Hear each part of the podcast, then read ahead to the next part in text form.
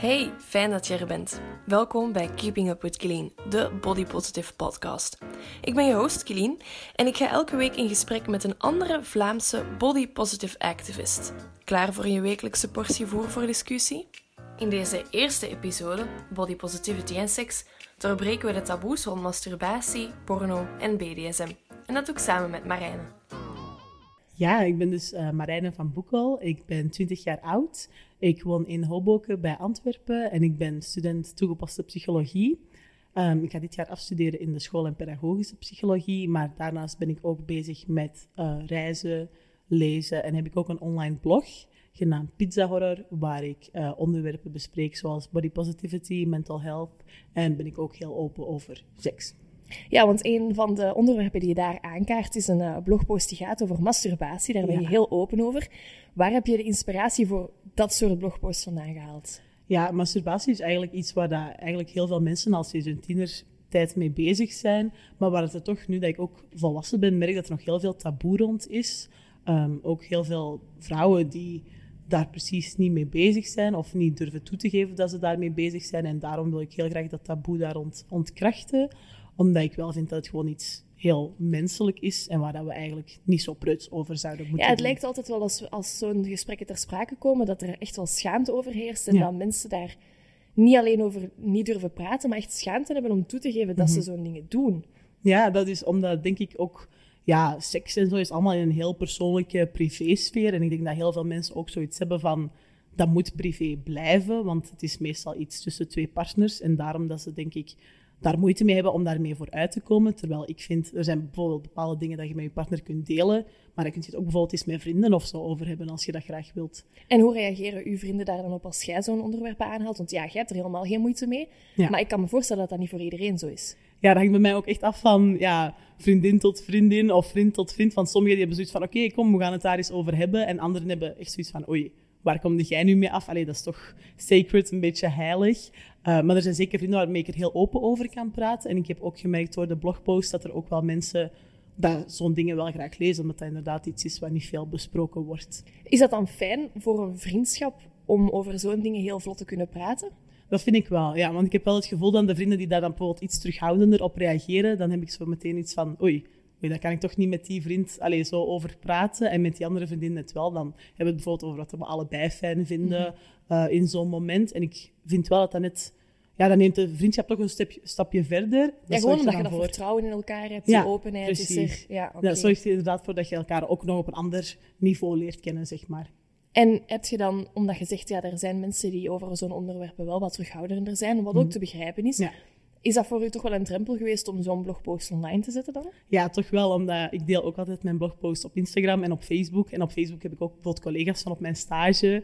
Um, dus dat was inderdaad wel zo van, hmm, misschien moet ik het niet delen op Facebook, maar dan dacht ik van nee, want dan blijft het gewoon in die Ja, dan houd je dat gewoon in stand. Ja, klopt. Dus ik dacht echt van, weet je, dat is oké, een drempeltje dat we over moeten, maar dat is een drempel die wel te overschrijden valt. Dus ik heb het gewoon gepost en ik heb er enkel positieve feedback op gekregen. Ja, serieus? Ja. Geen negatieve reacties op gekregen? Of ja, misschien toch niet mensen ja, die er misschien wel negatief over denken, maar niet tegen zeggen tegen Ja, dat kan ook natuurlijk. Maar er waren wel zo mensen die misschien zoiets hadden van, ja, waarom vertelt je daar zo expliciet over? En dan dacht ik van ja, net om die reden dat er niet over gepraat wordt. Ja, en ik heb de blogpost gelezen en ik moet nu... Allez, ik ben zelf ook vrij open-minded en ook met mhm. dezelfde thema's bezig gelijk jij.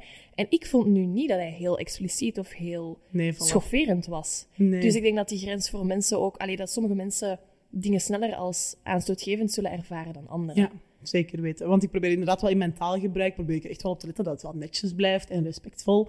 Ehm, niet dat ik daar platte woorden of zo zou tussen. Dus ik probeer inderdaad zeker wel vanuit een hele uh, respectvolle basis te vertrekken naar verschillende onderwerpen. En daar dan ook met echt ja, heel veel zachtheid eigenlijk daar rond nog wel zo dingen te bespreken, maar wel tot de kern van het verhaal te komen. Dat, er blijven uiteindelijk woorden die je niet kunt vermijden om een verhaal te, om een verhaal te beschrijven, maar ik blijf toch ergens ook wel merken dat die woorden een bepaalde connotatie hebben. Mhm.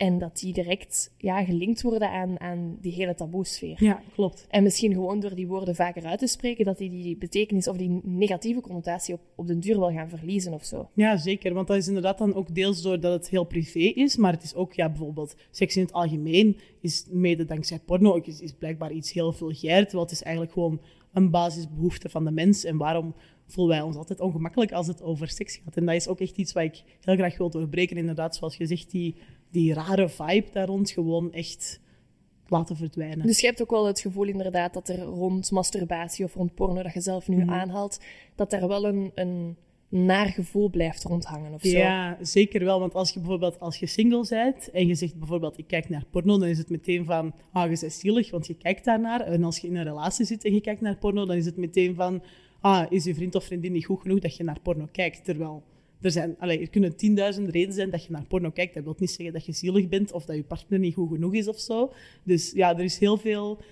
Er komen meteen duizend en één gedachten verbonden bij uit te spreken dat je bezig bent met seks of alles daar rond. Ja, dat lijkt gewoon niet te mogen. Hè? Dat zijn inderdaad dingen die binnen de slaapkamer moeten blijven of zo. Mhm. Terwijl inderdaad heel veel seksuologen of zo ook zullen aanraden van doe dat eens samen. Kijk eens samen naar porno of zo. Denkt jij dat ook dat dat iets kan een, een positieve invloed kan hebben op je seksleven samen met je partner, als je zo'n dingen samen met elkaar kunt delen? Ja, dat denk ik wel, want uh, bijvoorbeeld, ik heb ook vriendinnen die in een relatie zitten, die ook wat vastgeroest zijn, en dan vragen die ook aan mij van, ja, hmm, hoe hou ik het wat spannend? En dan zeg ik ook meestal van, ja, misschien kun je samen naar porno kijken, want porno, oké, is soms echt wel een hele misvorming van hoe het er in de realiteit aan toe gaat, want daar is natuurlijk alles perfect. Uh, maar ze kunnen bijvoorbeeld, twee acteurs kunnen bijvoorbeeld dingen doen Um, waar je denkt van, oh, dat hebben wij nog niet gedaan. Misschien kunnen we dat ook eens proberen. Al is het een standje, al is het uh, een plek of zo. Dus je kunt je daar zeker op door laten inspireren. Dat vind ik en hoe vind je dan de juiste porno? Want ik zeg het, ik heb, ik, het is nog niet aan mij besteed. Ik ben er ook niet in geïnteresseerd. En dat mhm. is ieder zijn keuze. Maar ik heb bij per ongeluk ene keer op een pornofilmpje gestoten. En ik heb daar gelijk tien seconden van gezien. En ik was gewoon zo gechoqueerd door hoe dat in beeld was gebracht. Omdat het beeld dat daar werd, en dat was, was natuurlijk maar één video, maar het mhm. beeld dat daar werd uitgebeeld kwam helemaal niet overeen met het beeld dat ik heb van seks. Dus hoe vind je dan de juiste porno? Ja, de juiste porno is moeilijk, want ja, dat ligt natuurlijk ook aan uw interesse. Er zijn mensen die bijvoorbeeld heel graag um, lesbian porno kijken, bijvoorbeeld, al zijn het hetero mannen bijvoorbeeld. Um, er zijn andere mensen die kijken um, heel graag naar ja, BDSM-filmpjes. Eh, dus dat hangt heel erg af van je persoonlijke interesses. En je kunt dan bijvoorbeeld naar populaire sites gaan, zoals Pornhub of YouPorn of zo. Maar je, kunt ook, je hebt zo, ook zo female porn, dat is meer zachter, meer romantischer. Daar wordt veel meer aandacht besteed aan um, zeg maar alles daar rond. Meer dan gewoon de daad. Terwijl dat mannen, allee, porno zo gezegd uh, geviseerd voor mannen is, is echt van... Oké, we gaan er eens aan beginnen. En dan gaat het snel tot een hoogtepunt en dat is het dan. Terwijl vrouwen, hebben ze gemerkt, wel inderdaad wat meer wat dat verhaal, dat romantische, dat sensuele. Dus dat heb je ook, maar ik zeg het hangt heel erg af van je interesse. Ja, je moet gewoon een gading zien te vinden. Ja, voilà. Je kunt ook gewoon de homepage openklikken en daar zie je soms al de bekendste pornofilmpjes. En dan kun je daarop verder klikken en zien wat dat je leuk vindt en wat niet. Maar het is zeker een heel persoonlijke keuze. Ik heb ook mijn eigen interesses die ik zo wat terug opnieuw zoek. Of dat scheelt ook van maand tot maand. Of mijn gemoedstoestand of zo. Dus dat hangt er ook echt wel van af. En heeft porno, want je hebt het daar zelf ook heel openhartig mhm. in over die blogpost, heeft u wel geholpen in de zoektocht naar uw geaardheid eigenlijk? Ja, klopt. Hoe is dat dan gegaan? Ja, ik uh, identificeer mezelf dus als biseksueel. Um, ik heb ook toen ik 13, 14 was een relatie gehad met een meisje. Dus ik ben echt al wel met porno bezig sinds ik 12 ben, omdat ja, ik had die interesses al naar het vrouwelijke geslacht. En dan daar porno van zien heeft mij echt geholpen van oké, dit is wel echt iets waarmee ik echt aangetrokken voel en dat ik ook echt wil exploreren, zeg maar, in real life. Um, en toen ik dus wist dat het meer dan enkel een, een interesse was, maar echt een gevoel dat ik erbij kreeg, heeft dat mij inderdaad wel geholpen om die relatie met dat meisje aan te gaan, omdat ik wist van ja, het is niet enkel gewoon iets uit interesse, maar echt iets waar ik voor wil gaan. Ja, want je was nog heel jong toen dat je die relatie met dat meisje bent aangegaan. Mm Werd daar op dat moment door je omgeving raar op gereageerd? Of werd dat toch geaccepteerd? Of hoe werd daarmee omgegaan? Ja, het ding is, voordat ik met haar een relatie had, waren wij eerst goede vriendinnen. Um, dus ik ben toen wel oud gekomen, zeg maar, naar mijn ma. En heb ik echt gezegd van, kijk, um, ik weet nu wel dat ik gevoelens kan hebben voor meisjes en dat ik daar ook uh, achterna wil gaan. En dan had ze wel snel door dat ik verliefd was op die vriendin, want ze kende die ook natuurlijk. Uh, maar de mensen in mijn omgeving die reageerden daar heel positief op. Maar ja, zoals wat eigenlijk helaas normaal is, hebben wij in real life wel te maken gekregen met zo van die opmerkingen. Of als mensen ons hand in hand zagen en zo. Dat was toch altijd wel wat raar voor de buitenwereld. Maar mijn vrienden en de mensen die dicht bij mij stonden, die hebben daar wel positief op gereageerd. Dus je bent zelf ook wel al het slachtoffer geworden van homofobie? Ja, klopt. Hoe gaat je daar op zo'n moment mee om? Want zeker als je nog zo jong bent en je bent echt nog, gelijk dat je zelf zegt, dingen aan het ontdekken, kan ik me mhm. voorstellen dat dat toch wel ja, een indruk nalaat of zo. Ja, dat, is, dat, dat was ook echt wel niet tof, want het ding is, vanaf dat twee meisjes samen zijn op straat en ze lopen gewoon naast elkaar, dan is dat allemaal perfect oké. En als ze een hand geven, dan denken ze al van, amai, die zijn wel beste vriendinnen. Maar als je dan eens een kus geeft, dan hebben mensen meteen zoiets van, oei, die zijn samen. Dat is iets wat mensen niet snel verwachten en wat dat ze ook niet meteen aan elkaar zouden linken. Dus was, denk ik, heel veel ook zo uit shock. Zo van, ah, oké, didn't see that one coming. Maar ook zo heel mensen die vuil kijken en ja, ja, ik vond dat gewoon jammer dat daar dan nog steeds zo ook die sfeer op hangt. Maar aan de andere kant had ik zoiets van, weet je, ik kan ze niet verplichten om het te aanvaarden of leuk te vinden. Maar ik had dan zoiets van, weet je, vuil kijken hoeft dan ook niet. Maar ik voelde mij zeker toen, nu zou ik daar ook niks van durven zeggen of zo, maar zeker toen voelde ik mij er te onzeker over om daar tegenin te gaan. Dus ik negeerde dat gewoon. Ja, want je haalt wel iets interessants aan. Mhm. Ik hoor nu zeggen van als twee meisjes bij elkaar zijn of elkaar vasthouden of elkaar kussen, wordt er veel meer van meisjes gedacht, oh, maar dat zijn gewoon goede vriendinnen, dan van jongens. Want van meisjes die elkaar een keer kussen tijdens het uitgaan, mhm. wordt niks gezegd. Maar als jongens elkaar zouden kussen tijdens het uitgaan, dan is dat ineens een big deal. Hoe valt zoiets te verklaren, denk je? Ja, dat vind ik ook heel, heel jammer. Dat jongens, als bijvoorbeeld twee meisjes kussen op een feest, dat ze zoiets van, ja, dat is kijk, oh my god, heerlijk. En dan, dan zo, als een gast is een andere gast gaat kussen, is echt zo, wow, wat een homo, dit, dat. Terwijl het is basically hetzelfde. Ik heb ook een vriend en die zegt, weet je, ik heb in mijn zat al wel jongens gekust. Ben ik dan biseksueel? Ik zeg, ja, dat is iets wat je zelf moet ontdekken. Ik vind het gaat wel meer dan enkel een uh, seksuele uh, gevoel er rond. Het gaat ook echt wel om een romantisch gevoel, persoonlijk. Maar ja, ik vind dat heel jammer dat er dan dat vrouwen dan zo geseksualiseerd worden op dat vlak en dat het bij mannen echt iets heel vies zou zijn. Ja, ja. dat is wel heel jammer. Ik, vind, ik vroeg mij ook af of dat voor u de term biseksueel de lading dekt. Want zeker mhm. nu, anno 2019, is het hele landschap zo wijd verspreid en er zijn er zoveel verschillende termen. Maar vind je dat zo'n term als biseksueel bijvoorbeeld de lading dekt? Ja, het ding is, iemand heeft me ook gevraagd uh, wat het verschil is tussen panseksueel en biseksueel. En ik vind, panseksueel is ook bijvoorbeeld dat je echt tot iedereen aangetrokken kunt zijn. Dat maakt dan niet uit transgender of non-binaire personen, maar ik heb ook tegen die persoon gezegd van, dat kan zijn dat ik panseksueel ben. Dus dat betekent dan dat ik ook gewoon op mensen die op het spectrum zitten, tussen jonge en meisje, die de ene dag bijvoorbeeld heel mannelijk gekleed kunnen zijn, de andere dag heel vrouwelijk gekleed. Um, maar ik heb daar geen ervaring mee. Ik heb enkel echt ervaring met heel vrouwelijke meisjes of heel mannelijke jongens. Dus daarom identificeer ik mezelf als biseksueel. Maar ik kan begrijpen dat het inderdaad nu zo breed is, want het is niet meer LGBTQ+. Nee, het is LGBTQ en dan alle letters van het alfabet plus. En ik vind het super cool dat die diversiteit er is.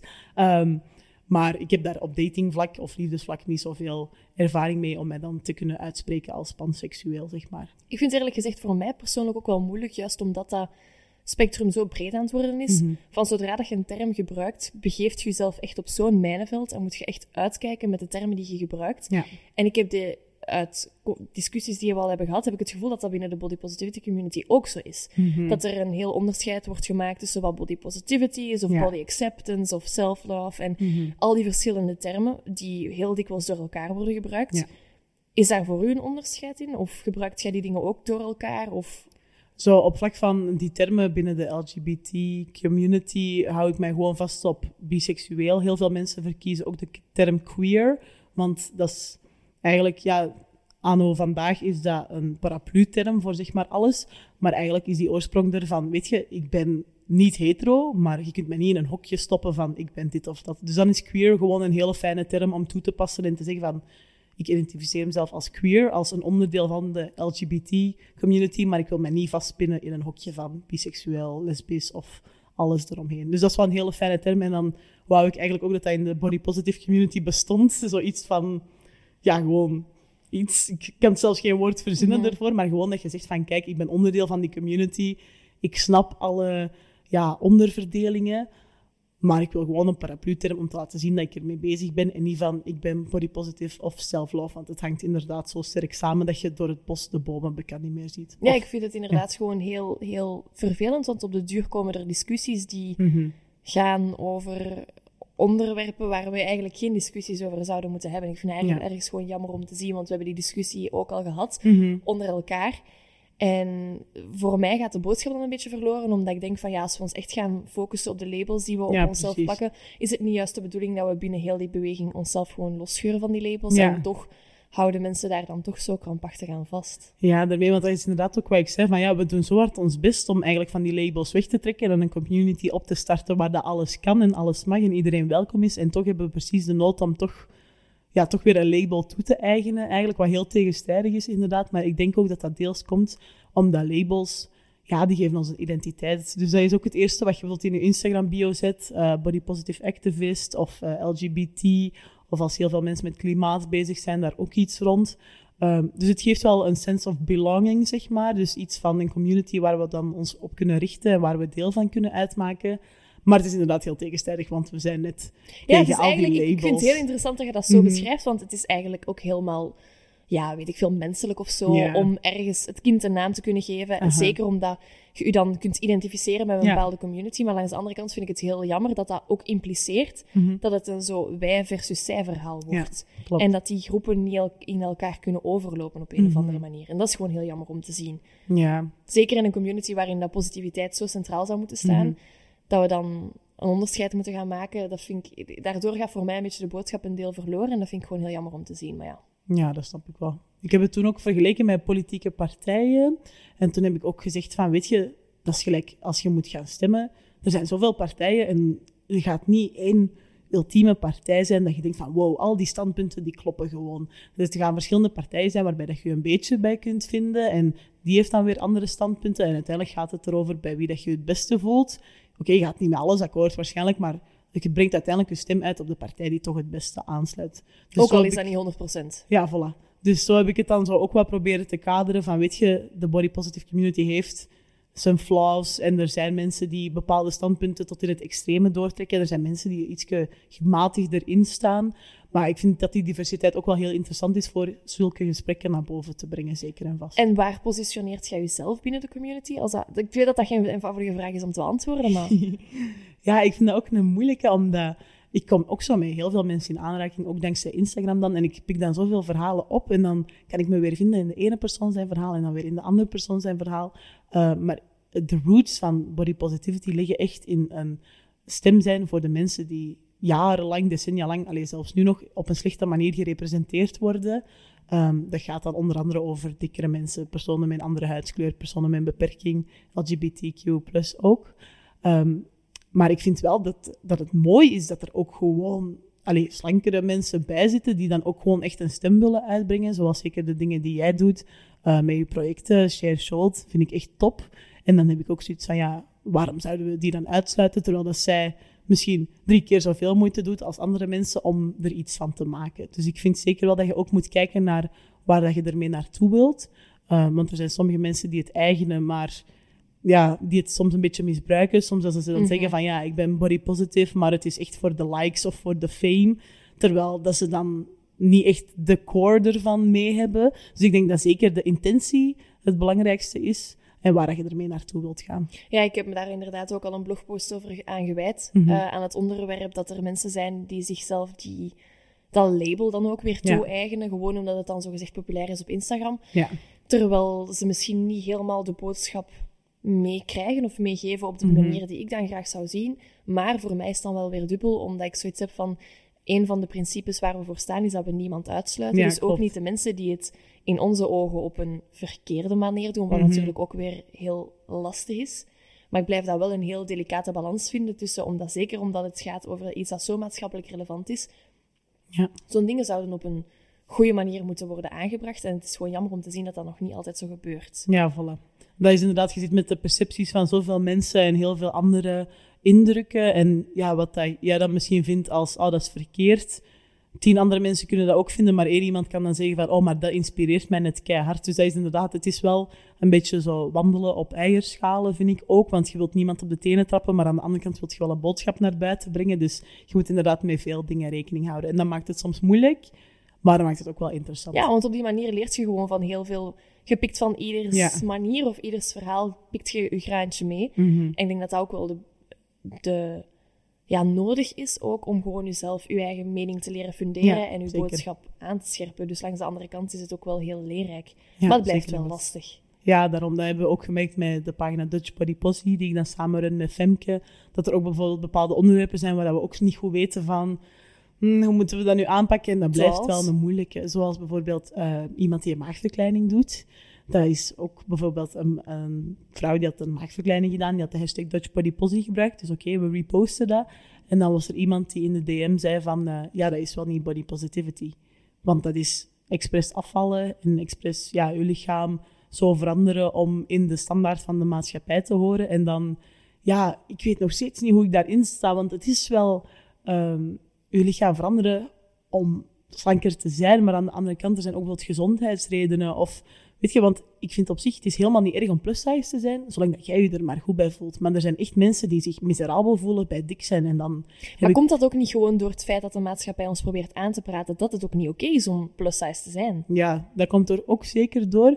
Maar ik denk ook, want ik heb zelf ook op een heel hoog gewicht gezeten en dan had ik echt zoiets van, weet je, de maatschappij kan me vertellen wat ik wil, maar ik vind toch van mezelf dat dit niet oké is. Want ik kon niet de trap oplopen zonder uitgeput te zijn en ik kon niet meer mee en ja, toen voelde ik mij ook echt, echt niet goed. En toen ben ik wel echt even kalmer aan gaan doen. En nu ben ik op een terug oké gewicht voor mezelf. En nu voel ik me wel terug beter. Dus ik snap inderdaad, er zijn inderdaad verschillende mensen die zoiets hebben van, weet je, al weeg ik 30 kilo, al weeg ik 160 kilo, dat maakt niet uit. Maar ik vind dat het heel veel is met hoe dat je zelf erbij voelt, dat dat het belangrijkste is. En hoe kun je dan zeker weten dat de mensen die bijvoorbeeld zo'n foto, een voor- en na-foto plaatsen en de hashtag gebruiken, hoe kun je weten met welke intenties die mensen aan hun gewichtsverlies zijn Allee, begonnen? Want ik denk dat dat ook een van de redenen is waarom dat ze u erop aanspreken. Ja. Omdat er misschien heel veel mensen van uitgaan van die doen dat omdat de maatschappij dat van ons verwacht dat we mager moeten zijn, terwijl dat misschien helemaal niet zo is. Ja, dat is wel. Ja, heel veel kun je ook lezen in de caption dan, dat mensen eronder zetten. Dus hij had echt wel gezegd van, kijk, ik ben nu al zoveel jaren zwaar en ik vind het gewoon niet meer tof en dit, dat. En dan vind ik echt wel, als het iets is wat jaren aansleept, dat je jezelf echt niet gelukkig voelt en je hebt echt self-love geprobeerd en je hebt echt alles eraan gedaan, maar het lukt gewoon niet. Ja, dan heb ik ook niet zoiets van, ja, we moeten het blijven pushen en blijven van jezelf houden als het gewoon echt, als je daar zo slecht bij voelt. Want ik vind ook, iemand moet het zelf willen. Dat is zo een beetje gelijk zal zeggen, een alcoholverslaving of zo. Iemand moet zelf willen afkicken, want anders gebeurt er gewoon niks. Dus dat vind ik inderdaad wel... Het is wel een moeilijke, hè, want inderdaad, voor- en na-foto's, die triggeren heel veel mensen. Of die denken dan van, ik ben pas mooi als ik uh, maatje, ik zeg maar iets, 36 ben of zo. Terwijl ik ben nu ook mooi. Maar dat hangt heel hard af van de perceptie van mensen. Ja, ik heb inderdaad ook deze week nog een berichtje in mijn inbox gekregen. En ik vind het heel leuk om zo'n berichtjes te krijgen. Mhm. Ehm, van iemand die aan mij vroeg dat ze, ze begreep niet zo goed hoe dat dik en mooi met elkaar in verband staan. Hmm. Omdat we kunnen precies veel moeilijk van dikkere mensen zeggen van oh, die is eigenlijk ook wel mooi. Terwijl voor mij gezondheid en uiterlijk zijn twee dingen die van elkaar losstaan. En dikke personen zijn even mooi als dunne personen. Dat mhm. wil niet zeggen dat iedereen ook even gezond leeft. Maar dat was voor haar toch een beetje een delicate kwestie van... Ja, maar ik kan dikke mensen ook echt wel mooi vinden worden. Dan denk ik, ja, Tuurlijk, tuurlijk kun je dikke mensen ook mooi vinden. Hoe, hoe gaat dat? Hoe zit dat bij u, zo die driehoek van mooi, dik en gezond of ongezond? Ja, dat is een... Ehm, ja, ik vind het ook zo jammer om te horen van... Ik kan dikke mensen ook mooi vinden. Precies of zo je bent kei speciaal als je dikke mensen mooi vindt. Terwijl, ik heb zoiets van, maar je zegt toch ook niet tegen dunne mensen van, ja, ik kan u mooi vinden. Allee, ik, vind dat, ik vind dat jammer dat dat, dat zo uitgesproken wordt. Allee, het is heel goed dat ze zich daarvan bewust is. Hè. Dat vind ik echt al heel bewonderenswaardig. Maar waarom? Dat is net hetzelfde als tegen een dikke persoon zeggen, als hij een bikini heeft, wow, respect dat jij dat durft. Ja, echt zo van, respect dat jij dat durft. En dan heb ik ook zoiets, ja, waarom? Je zegt ook niet tegen iemand met een maatje medium van, wow, knap dat jij een bikini durft aan te doen. Want dat is normaal. En als een dikkere persoon dat doet, is dat niet normaal. Volgens de standaard van de maatschappij. Dus het is echt inderdaad dat het daarop aankomt. Um, ik vind gewoon, als je iets ziet wat je mooi vindt, zeg dat gerust. Hè. Complimentjes zijn zeker dik oké. Maar denk even aan de achterliggende reden. Want Mhm. ik had ook juist eergisteren iemand die zei... Wow, knap dat jij dat durft, dat erop te zetten en zo. En ik had zoiets van... Ja, ik snap uw intentie. Uw intentie is, bedoeld. heel goed. Ja, dat, echt, dat, dat is het echt. Want het is nooit vanuit een... Amai, wel chic dat jij dat durft. Hè? Allee, het is nooit vanuit een negatieve bedoeling.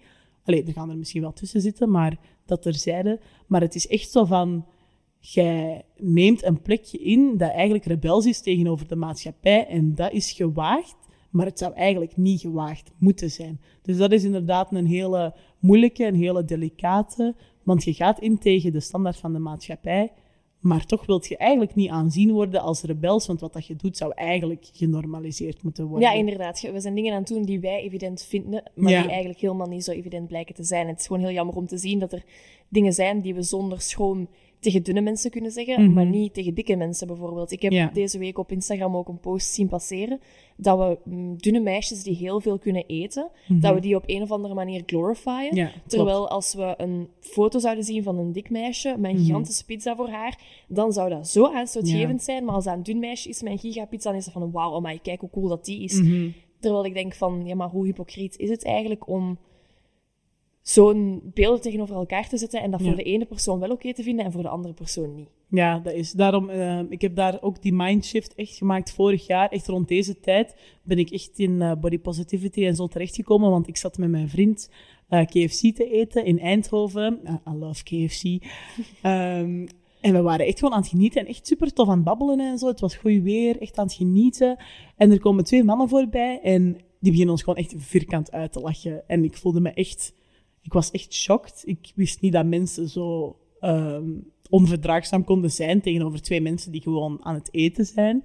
Nu, mijn vriend is ook eh, zwaarder. Dus ja, we zijn gewoon alle twee zware mensen. Wat perfect oké is. Maar dat zou echt geen excuus moeten zijn om ehm, ja, zo te lachen met iemand Ja, want dat is precies, als is. jullie dan naar een fastfoodrestaurant gaan, dan is het van, ja, kijk, die, die doen het er Ja, gewoon voor of zo. Het is echt, gewoon hun hè? eigen schuld. Terwijl ik denk van, ja man, hallo, als ik er zou gaan zitten en ik zit daar een hamburger te eten, dan is er geen haan die daar naar kraait. Maar Mhm. oh wee, als dat iemand dikker is, want dan hebben ze het zelf gezocht. En dat houdt ook zo heel die, die mindset in stand van dikke mensen, dat is gewoon hun eigen schuld, die zijn allemaal ongezond. Mhm. En dat is ook een beetje een taboe dat ik probeer te doorbreken. En dat is uiteindelijk ook waar dat, dat meisje dat me heeft aangesproken, waar dat we uiteindelijk ook op terecht zijn gekomen Mhm. dat dat idee heerst dat iedereen die mager is, dat hij sowieso gezond leeft. En iedereen die dik is, dat hij sowieso ongezond leeft. Terwijl dat, dat eigenlijk ja, je reinste zever is. ja, dat is ook. En als we op die manier een beetje dat idee kunnen doorbreken, ik denk dat we al een heel stap verder zouden staan. Ja, zeker en vast. Want dat is ook het ding. Want ik zei toen ook tegen mijn vriend van, weet je, als we nu bijvoorbeeld bij zo'n super healthy organic salad bar zouden zitten, dan zouden mensen nog steeds kunnen lachen. Zo van,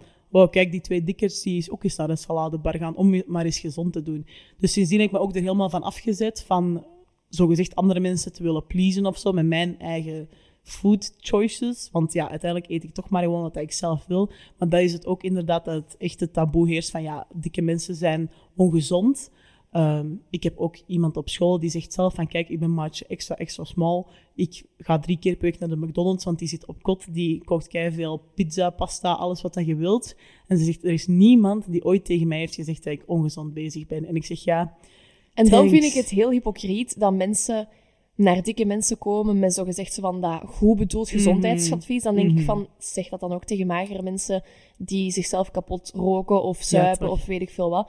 Waarom bent je daar dan? Waarom gaat je daar dan niet tegen? Mhm. Terwijl dat, dat eigenlijk, als ze het dan toch zo goed bedoelen, nu weet je, ja, sowieso moet je niet met ongevraagd advies komen, denk Mhm. ik. Maar zeker in, in het geval van dun versus dik vind ik dat heel hypocriet Ja. om dat zo te zien gebeuren eigenlijk. Dat is ook.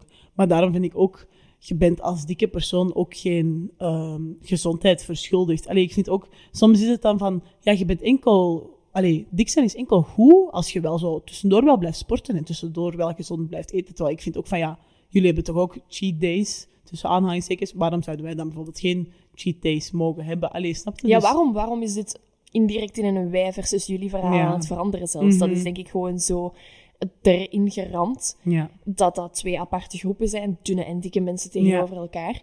Terwijl als we die scheidingslijn tussen die twee al een beetje zouden kunnen vervagen, dat we al een pak verder zouden staan. ermee. Dus dat is bijvoorbeeld ook, je ziet dat ook heel hard in bijvoorbeeld winkelketens, bijvoorbeeld om te gaan shoppen of zo.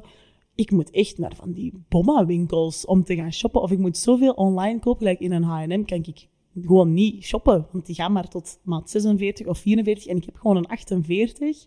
Ehm, dus ik ben echt uh, verbannen naar zo een plus-size hoekje ergens in een kelder als het er al is. Mhm. En heel vaak is het er gewoon niet. Dus dat zorgt er ook voor dat ja, je wordt altijd al uit die maatschappij gezet. Dus daardoor komen die precies niet zoveel met je in aanraking. En dat zorgt dat houdt zichzelf in stand op die manier. Ja, daarmee. Dus dat zorgt er inderdaad ook voor dat er gewoon een lijn tussen is. En dat is dan ook heel het ding van met bijvoorbeeld dan een uh, maagverkleining te doen. Ja, iemand van de ene kant gaat naar de andere kant. En dat is dan precies een heel taboe, want ze zijn niet meer welkom in de body positive community, want ze zijn dun, zo gezegd.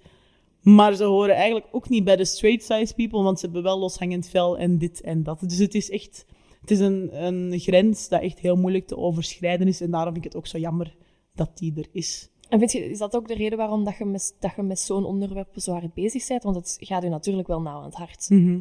Ja, dat is ook wel, want ja, ik heb ook altijd heel diverse vriendengroepen gehad. Ehm, soms ook eens met heel dunne meisjes, soms ook gewoon met vollere meisjes. En ja, toch voelt je je altijd als de bigger person wel precies zo benadeeld. Dus dan is dat bijvoorbeeld ook als je dan met vriendinnen weg bent, uh, de jongens geven iedereen een complimentje behalve u. Mhm. En dan, je groeit echt gewoon op met het beeld dat je eigenlijk minder waardig bent dan je dunne vriendinnen. Dus om nu echt een, een stand te maken en er echt te zijn in de maatschappij, is dat echt wel iets waar ik mee probeer bezig te zijn. Hoe reageert uw familie en uw vrienden en uw vriend daarop mhm. dat je zo'n prominente, geëngageerde plaats inneemt? Want dat is niet evident. Hè? Zeker als je zo een onderdrukte groep bent geweest die nu mhm. gewoon zijn plaats terugclaimt daar wordt niet altijd zo positief op gereageerd. Ja, dat klopt. Uh, ik heb tot nu toe wel enkel positieve reacties gekregen. Soms word ik wel verlegen als mensen echt zo zeggen van ja, ik heb uw blogs gelezen, dat doet mij heel veel.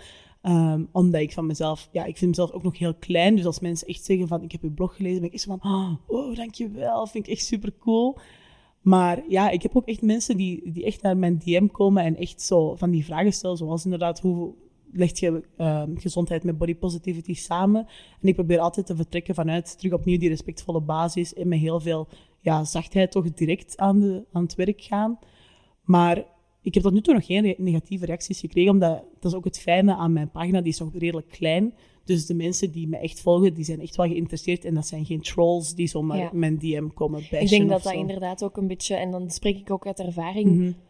denk ik als je een iets kleinere community bent, dat dat contact veel directer is, veel persoonlijker en dat die mhm. drempel ook gewoon veel minder hoog is. Want ik volg ook uh, bijvoorbeeld Linda de Wunk op Instagram, ook iemand mhm. die heel sekspositief is. En die heeft zoveel abonnees op YouTube en zoveel volgers op Instagram. En dan denkt je, wauw, dat is echt een celebrity. En dan durft mm Ik heb daar ook al een paar DM's naar gestuurd, omdat ik ook met een paar... Die is ook heel open over lichaamshaar bijvoorbeeld. En mhm. er zijn ook tijden geweest dat ik besloot van, fuck it, ik scheer me niet meer. Want ja waarom eigenlijk wel? En dan blijft het toch wel altijd spannend om zo'n grote persoon een berichtje te sturen, want je voelt je toch altijd zo'n klein bakvisje naar een grote ja. gestuurd. En dat denk ik dan wel weer dat het voordeel kan zijn, bij een kleinere community te zijn, mhm. dat die contacten veel persoonlijker zijn, dat je mensen ook... Ja, ik bedoel, wij zitten hier ook omdat we elkaar hebben leren kennen door Instagram.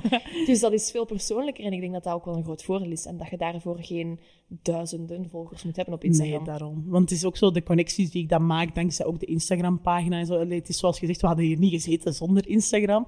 Um, dus ik vind dat heel waardevol en uh, ik denk dat dat voor mij veel meer belangrijker is dan tienduizenden volgers te mhm. hebben of zo. Natuurlijk, soms is het ook meer volgers hoe beter, want dan verspreidt je boodschap wel verder eventueel. Dus soms is het wel fijn, denk ik, maar aan de andere kant heb ik zoiets van, weet je, de mensen die het willen zien, die zien het uiteindelijk toch wel. Dus of het dan 200 volgers zijn of 200.000, dan maakt dat nog Heb jij dan nooit, want ik moet zeggen dat dat mij wel frustreert om te mhm. zien dat de mensen die het luidst roepen, precies het meest aandacht krijgen, terwijl zij niet per se de mensen zijn die de juiste dingen roepen. Want er zijn mhm. zoveel mensen op Instagram die duizenden volgers hebben, dat ik denk van, man, moet ik zo'n publiek hebben? En ik kan aan zo'n publiek mijn boodschap deel, allee, meegeven. Dat zou mhm. fantastisch zijn. Terwijl dat dan bijvoorbeeld, en ik wil echt niemand viseren op een of andere manier, maar dat zijn dan bijvoorbeeld wel de influencers die alle skinny teas en detox dit en dat en corsetten en zo gaan promoten, dan denk ik van, is dit niet een beetje harmful op die manier? Ja, daarom dat dus ook er heel veel commentaar op hoe dat de body positive term eigenlijk al bekend niks meer zegt. Allee, het zou heel veel moeten zeggen, maar het zijn inderdaad, zoals gezegd, de mensen die juist de detoxes doen en de corsetten en de afslankingspillen en dit en dat, dat die dan die boodschap gaan verkondigen. En dat is gewoon inderdaad ook erg jammer, want ik denk, allee, zoals jij en ik zijn daar heel betrokken in, in de body positive community en we hebben echt ideeën en we weten waar we voor willen staan. Maar andere mensen die pikken het gewoon op en die maken het hun eigen, terwijl eigenlijk ze zijn daar niet zo hevig mee bezig, maar ze inspireren wel andere mensen, maar het is inderdaad niet altijd met de juiste intentie. Dus dan komen we terug op wat ik er straks zei, van dat vooral ook de intentie is die telt. Dus ik vind ook als je ergens, als je echt ergens achter zet, dat je daar wel authentiek in moet zijn. Dus mhm. dat je dan wel echt moet zeggen van, weet je, ik zet me daarvoor in. Ik toon dat ook via Instagram of via andere kanalen en ik hou mij daar ook aan. Je kunt niet zeggen van, ik ben body positive, maar dan wel superveel afslankingskuren doen of weet ik veel wat Nee, het is een beetje dat gebrek aan integriteit dat mij mhm. soms frustreert. Dan denk ik, als je ergens voor staat, dan ben je dat 24-7 en niet alleen maar wanneer dat je goed uitkomt. Mhm. En om 9 uur s'avonds op een dinsdagavond, omdat dat dan veel likes oplevert of zo op een of andere manier. Ja, ik ben blij dat we daar dan wel wel hetzelfde over denken. Sowieso. Nu, ik vraag me af, waarom kiest je de thema's eruit die zo taboe zijn? Bijvoorbeeld body positivity of mhm. seks. Dat zijn thema's die niet zo evident zijn. Ja, ik ben altijd een heel nieuwsgierig persoon geweest. Altijd heel leer, leergierig. Ehm, en ik babbel ook gewoon graag. Daarom denk ik dat ik ook hier vandaag ben. Omdat ik dat gewoon echt super cool vind om met mensen te praten over de dingen waar zij zich onzeker over voelen. Misschien dat dat ook indirect de reden is waarom ik toegepaste psychologie studeer. Ehm, maar ik vind dat gewoon echt cool, want ik vind ja, oppervlakkige gesprekken, dat is leuk en zo, om een beetje elkaar te leren kennen. Maar de, echt, de core van mensen, dat zit echt in de gespreksonderwerpen dat ze ja, zich ongemakkelijk bij voelen. En ik wil niet zeggen, ik wil mensen ongemakkelijk doen laten voelen. Nee, ik wil mensen juist net zo op hun gemak laten voelen, dat ze wel het gevoel hebben dat ze bij mij over zo'n dingen kunnen praten. Dus dat vind ik ook wel, want je hebt sommige mensen die zeggen van, oh ja, ik hou van op feestjes om zo van die vuile moppen te maken, want dat maakt iedereen ongemakkelijk. En dan is het van, ja, dat is waar, maar het gaat dan niet zijn dat er dan mensen daarna naar u komen en mhm. zeggen van, maar ik heb echt een goed gesprek met u gehad en zo, merci daarvoor. Dan niet. Terwijl ik heb wel het gevoel dat ik bijvoorbeeld met vrienden of met kennissen of zelfs gewoon via Instagram, er zijn mensen die gewoon ineens zomaar via spraakbericht hun hele verhaal naar mij sturen. Ik zeg van, oké, nice. Dan moet je toch ook wel wat vertrouwen hebben in die persoon, mhm. dat die daar respectvol mee omgaat en daarvoor open staat. Dus dat is inderdaad zeker een basis dat ik heb, dat ik daar echt wel heel open in ben en daar ook echt ja, er zijn echt bij mij geen taboes. Mensen kunnen met mhm. alles naar mij komen en ik ga daar altijd heel respectvol mee omgaan. En een advies proberen te bieden. En wat dat ze daar dan mee doen, ja, dat is hun keuze. Mhm. Ik hoop natuurlijk dat ze het toepassen. En als ze het dan toepassen, kunnen ze terugkomen, eventueel. Maar dat zien we dan wel. Ja, want er zijn nu twee thema's die heel prominent aan bod zijn gekomen. Dat is seks enerzijds en mhm. body positivity anderzijds. Maar die link is heel gemakkelijk te leggen tussen de twee onderwerpen. Het feit dat uw lichaamsbeeld heeft ook een effect of een gevolg voor uw seksleven. Want als je niet goed zit in je vel, dan gaat u veel minder gemakkelijk letterlijk en figuurlijk blootgeven aan iemand. Mhm. Hoe heb jij dat zelf ervaren? Ja, het is dus zo. Ik zit echt maar sinds nog een jaar of zo ongeveer echt betrokken met body positivity en self-love. Maar ik heb wel gemerkt dat vroeger was ik wel veel onzeker, maar onzekerder. dus um, het eerste moment dat ik seks ging met mijn vriend, ik durfde gelijk mijn topje niet echt uit te doen. Of ja, hij wou dan allee, bijvoorbeeld dingen bij mij doen en dan zeg ik van ja, nee, doe maar toch niet. Allee, dus je voelt dat wel inderdaad, wat dat je zegt is zeker zo, als je je niet goed voelt over je lichaam, ja, je houdt je toch wat meer terug of je, je durft minder snel een stap te nemen. Um, dus het heeft zeker wel een bepaalde rol en het hangt ook heel hard aan elkaar. Want ik vind ook sinds dat ik er nu meer mee bezig ben en um, voel ik mij wel ook beter in mijn seksleven, sowieso. Want voor, voor mij is het geholpen zijn bijvoorbeeld foto's nemen van mezelf, om mezelf mooi te vinden. Maar dat betekent dan ook foto's maken in de lingerie en naar een vriend sturen of naaktfoto's maken en die doorsturen. En dat deed ik wel af en toe, maar toen was het toch echt wel meer mijn gevoel van kijk, dit is wat ik aan heb of dit is wat ik u wil laten zien. En dat maakt het toch ook wel toffer. Dus we kunnen eigenlijk wel besluiten, body positivity core is goed voor je seksleven. Ja, sowieso. Daar komt het wel op neer. Maar daar kun jij misschien ook van meespreken. Ja, dat ga ik niet ontkennen. Nee, het is ook echt zo. Ik, bij mezelf ook. Ik ben altijd meisje geweest met de kleine borsten. En de allereerste mhm. keer dat ik mijn BH moest uitdoen voor mijn vriend, ja, dan barstte ik gewoon in tranen uit. Omdat ik heel de tijd jarenlang aan een stuk had gehoord van ja, dat is niet goed of je bent mhm. niet goed gelijk gezegd. Terwijl nu, omdat ik mijn lichaam heb geaccepteerd zoals het is, zijt je veel zelfzeker en er ja. zekerder. En ja, dat vertaalt zich ook gewoon naar de slaapkamer. Dat is ook effectief zo. Maar ik heb zelf ook wel gemerkt dat communicatie daarin heel erg belangrijk is. Ja, ik veronderstel dat je dat wel kunt beamen. Ja, zeker weten. Want dat is inderdaad waar dat heel veel mensen zo mee zitten. Van bijvoorbeeld, ah, ik wil iets proberen met mijn vriend. Of ah, ik wil zoiets iets anders doen, maar ik weet niet hoe dat ik dat moet aanbrengen. En dan zeg ik ook van, praat daarover. Communiceren is echt het allerbelangrijkste. En dat is ook wat er heel vaak ontbreekt in relaties. En waar het er ook heel vaak ja, de relaties, goede relaties eigenlijk op zich, op de klippen lopen, omdat er gewoon niet gecommuniceerd wordt. Want we denken heel vaak dat we de gedachten van onze partner kunnen lezen, maar dat is gewoon... Of andersom, dat uh, onze partner onze gedachten kan lezen, terwijl dat, dat helemaal niet zo is. Nee, dus dat is dan ook... Dan heb ik bijvoorbeeld een vriendin en die zegt van, ja, en die snapt dat niet, en... Oh, en ik heb dan dat en dat signaal al gegeven, maar die reageert daar niet op. En dan denk ik gewoon, zeg, ja, misschien moet je dat gewoon eens zeggen. En dan hebben ze zoiets van, ah ja, dat kan ik ook eigenlijk doen. Betal, voor mij is dat gewoon vanzelfsprekend om daar gewoon over te babbelen. Maar ik snap wel dat dat niet in alle relaties kan. Maar dat is wel altijd het advies dat ik ook meegeef van, weet je, als je ergens mee zit of je wilt iets nieuw proberen of zo, of je partner doet iets wat jij misschien ook niet tof vindt, praat daarover, want ja, die kan het niet rieken, letterlijk. Allee. Nee, dat is waar. Mhm. Maar ik kan me voorstellen, de andere onderwerpen die we ondertussen ook hebben aangehaald, zoals masturbatie en porno, helpen u ook om te zoeken wat dat je zelf gewoon fijn vindt. Ja, en als je dan ook nog een keer aan die communicatie werkt, dan kun je gewoon heel duidelijk zeggen van doe dit wel of doe dat ja, niet. Zeker en vast. Dus daarom dat is het ook het fijne, want ik vind seks gaat zo breed, maar daar hoort communicatie ook bij. Want er kan bijvoorbeeld tijdens het moment iets gebeuren wat dat jij dan helemaal niet fijn vindt. Ja, je hebt twee keuzes. Ofwel gaat je ermee verder en kijkt je waar dat je grens is. Ofwel breekt je het af en zegt je echt van nee, sorry, dit vind ik niet fijn. Dus dan heb je bijvoorbeeld ook mensen die op voorhand als je zeg maar een one-night stand hebt of zo, die zo wat hints geven aan elkaar van oké, dit vind ik leuk en dat vind ik niet leuk. Dat is ook gewoon heel erg goed, want ja, als het zeker een eerste keer is met iemand dat je dan eventueel niet zo goed kent, ja, dan is het wel belangrijk om daar even over te praten van oké, zie ik dat zitten als hij bijvoorbeeld mijn keel gaat dichtgrijpen of een van die dingen, snap je? Dus dat is, dat is gewoon echt heel belangrijk. En hoe is uw eigen ervaring daar dan mee? Ja, ik vind uh, mijn eigen ervaring daarmee is wel positief. Want uh, in mijn relatie zijn we ook heel erg open naar elkaar toe. Nu, ja, ik ben wel meer voor de BDSM en hij ook. Dus wij konden elkaar daar wel heel goed in vinden.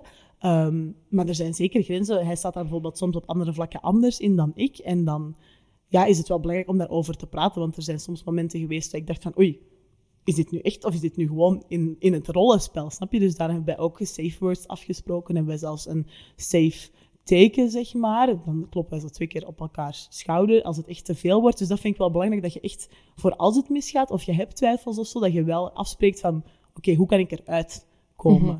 Dus dat is inderdaad zeker wel belangrijk, want allez, ik zeg maar, je kunt eens ruzie hebben met je partner en je ligt dan samen in bed en die doet dan bijvoorbeeld iets harder.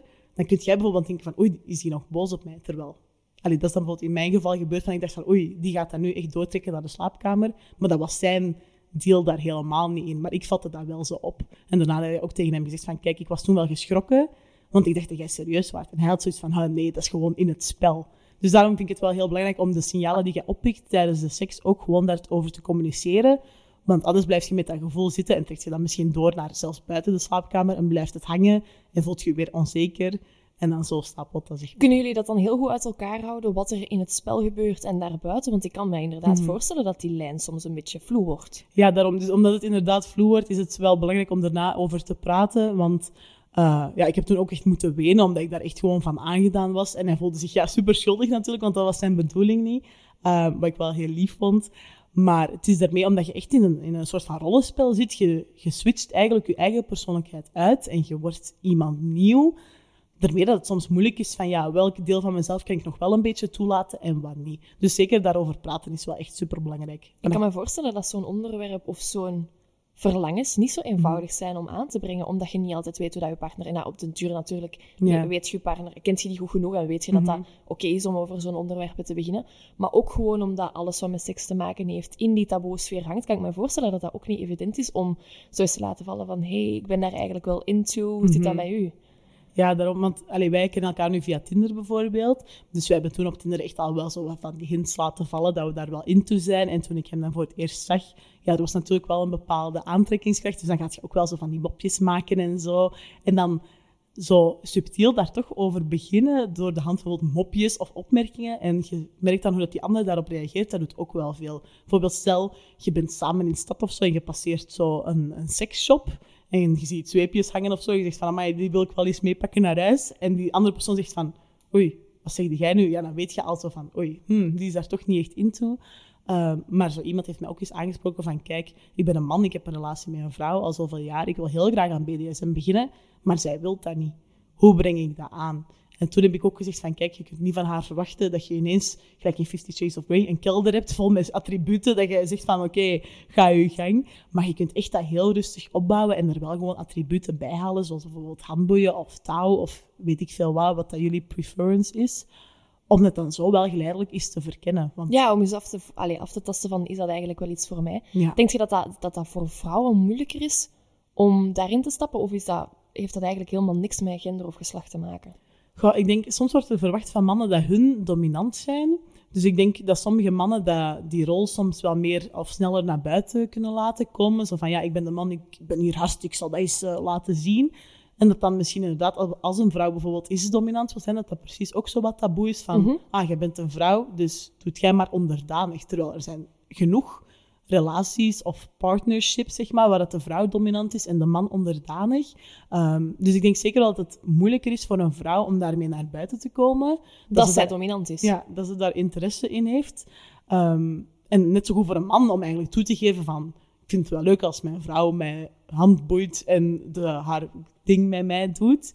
Um, maar ik denk dat dat zeker iets is wat je ook samen kunt verkennen en ook opnieuw terug heel rustig aanbrengt en dan stap voor stap daarin groeit samen en dan, dan zie je maar waar dat het eindigt. En hoe kun je daar dan in leren? Want als je niet weet waar dat je moet beginnen, mm waar, waar, ja, waar start je dan eigenlijk? Ja, um, ik ben daarmee gestart met ook heel veel online daarover te lezen. Ook gewoon blogs, alleen blogberichten en YouTube-tutorials en Um, ook podcasts zijn er ook over BDSM en al die soorten zaken. Dus ik denk dat vooral online dat er heel veel tools zijn. Ik snap, het is heel moeilijk om gelijk een seksshop binnen te wandelen en te zeggen van kijk, ik heb daar interesse in, hoe begin ik daaraan? Dat is misschien een drempel dat voor mhm. sommigen wat moeilijk is.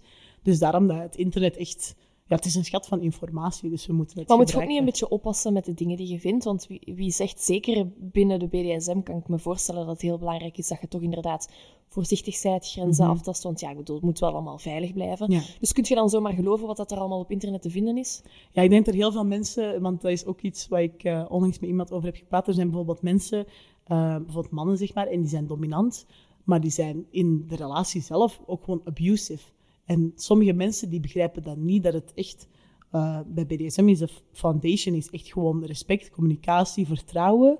En het is niet de bedoeling dat jij outside of the bedroom je vrouw ook nog steeds blijft slagen of blijft uitschelden. Dus er zijn wel mensen die zich zogezegd de term geven dominant, maar die echt gewoon abusers zijn. En dat vind ik wel inderdaad dat je daarmee moet opletten en daar geen voorbeeld aan moet nemen. Ehm, want die verpesten echt de BDSM-community voor al de rest. Vrouwen kunnen dat ook zijn natuurlijk, dat was misschien een beetje stereotyp, maar vrouwen kunnen ook gewoon ja, hun man abusen bijvoorbeeld in de relatie en dan zeggen van ja, ik ben gewoon uh, iemand die aan BDSM doet. Nee, je bent gewoon een abuser. Ja, dus, dus, dat onderscheid moet wel duidelijk blijven. Ja, want echt de foundation is echt gewoon vertrouwen hebben in elkaar, communiceren ook heel veel. Op voorhand al zeggen van kijk, waar staat jij voor open en wat niet.